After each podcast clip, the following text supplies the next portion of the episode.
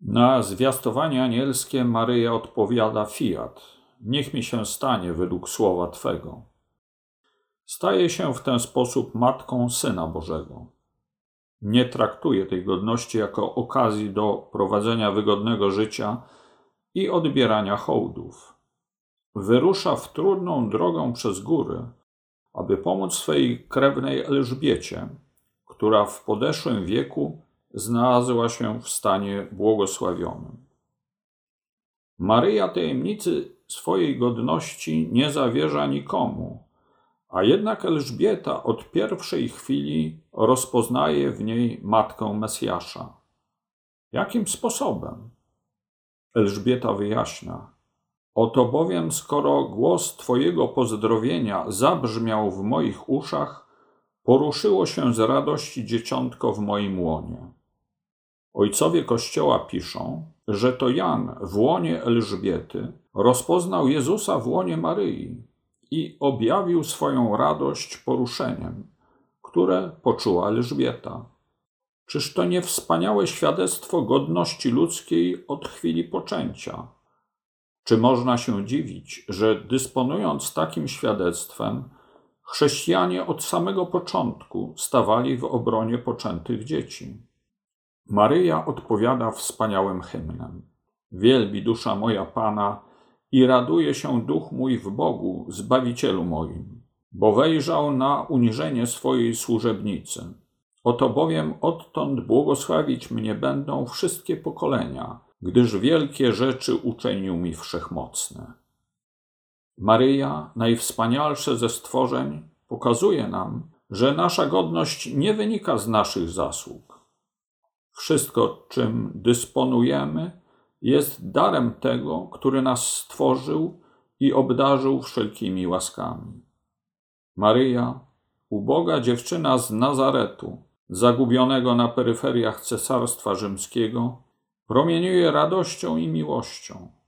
Jak bardzo różni się to od podstawy wielu współczesnych mieszkańców Zachodu, prowadzących wygodne życie i przekonanych, że to inni powinni im służyć, zapewniać wygody i przyjemności. Jak to się stało, że zagubiliśmy świadomość darów, które otrzymaliśmy i staliśmy się niezdolni do radości? Co jest najgłębszym powodem naszej frustracji?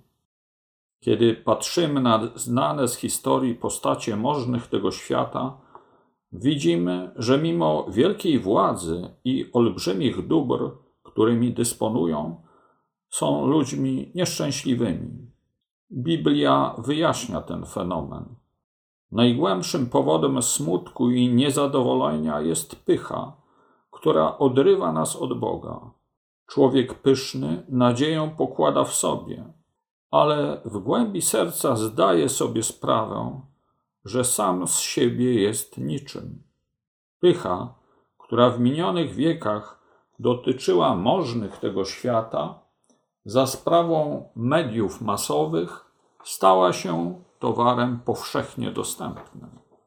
Zasługujesz na więcej, jesteś wspaniały, komunikują nam media w reklamach.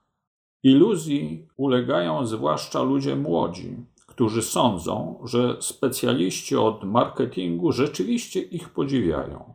Możni tego świata, sprawujący ko kontrolę nad mediami i nie tylko nad mediami, świadomie nadymają pychę publiczności, ponieważ wierzą, że z pyszałka łatwo można zrobić niewolnika. Za pochlebstwami idą groźby i strach a człowiek współczesny żyje w lęku. Czy możemy się od tego lęku uwolnić? Tak. Drogę pokazuje nam Maryja. Jeśli dostrzeżemy, że wszystko, co mamy, jest darem, a sami z siebie nic dobrego nie, mo nie możemy uczynić, będziemy mogli dostrzec Boga, z którego łaski wszystko otrzymaliśmy. Choć w odróżnieniu od Maryi jesteśmy buntownikami, Pan Bóg pragnie nas uzdrowić. Aby mógł to zrobić, musimy stanąć przed Nim w pokorze i prosić o przebaczenie. a wtedy będziemy mogli skorzystać z darów Zbawiciela. Uwolnieni od ciężaru pychy, rozstaniemy się z iluzją własnej wspaniałości i staniemy się zdolni do dostrzeżenia wspaniałości Boga. Bóg będzie mógł narodzić się w naszych sercach, a pokora poprowadzi nas do oddawania chwały Bogu i służby potrzebującym.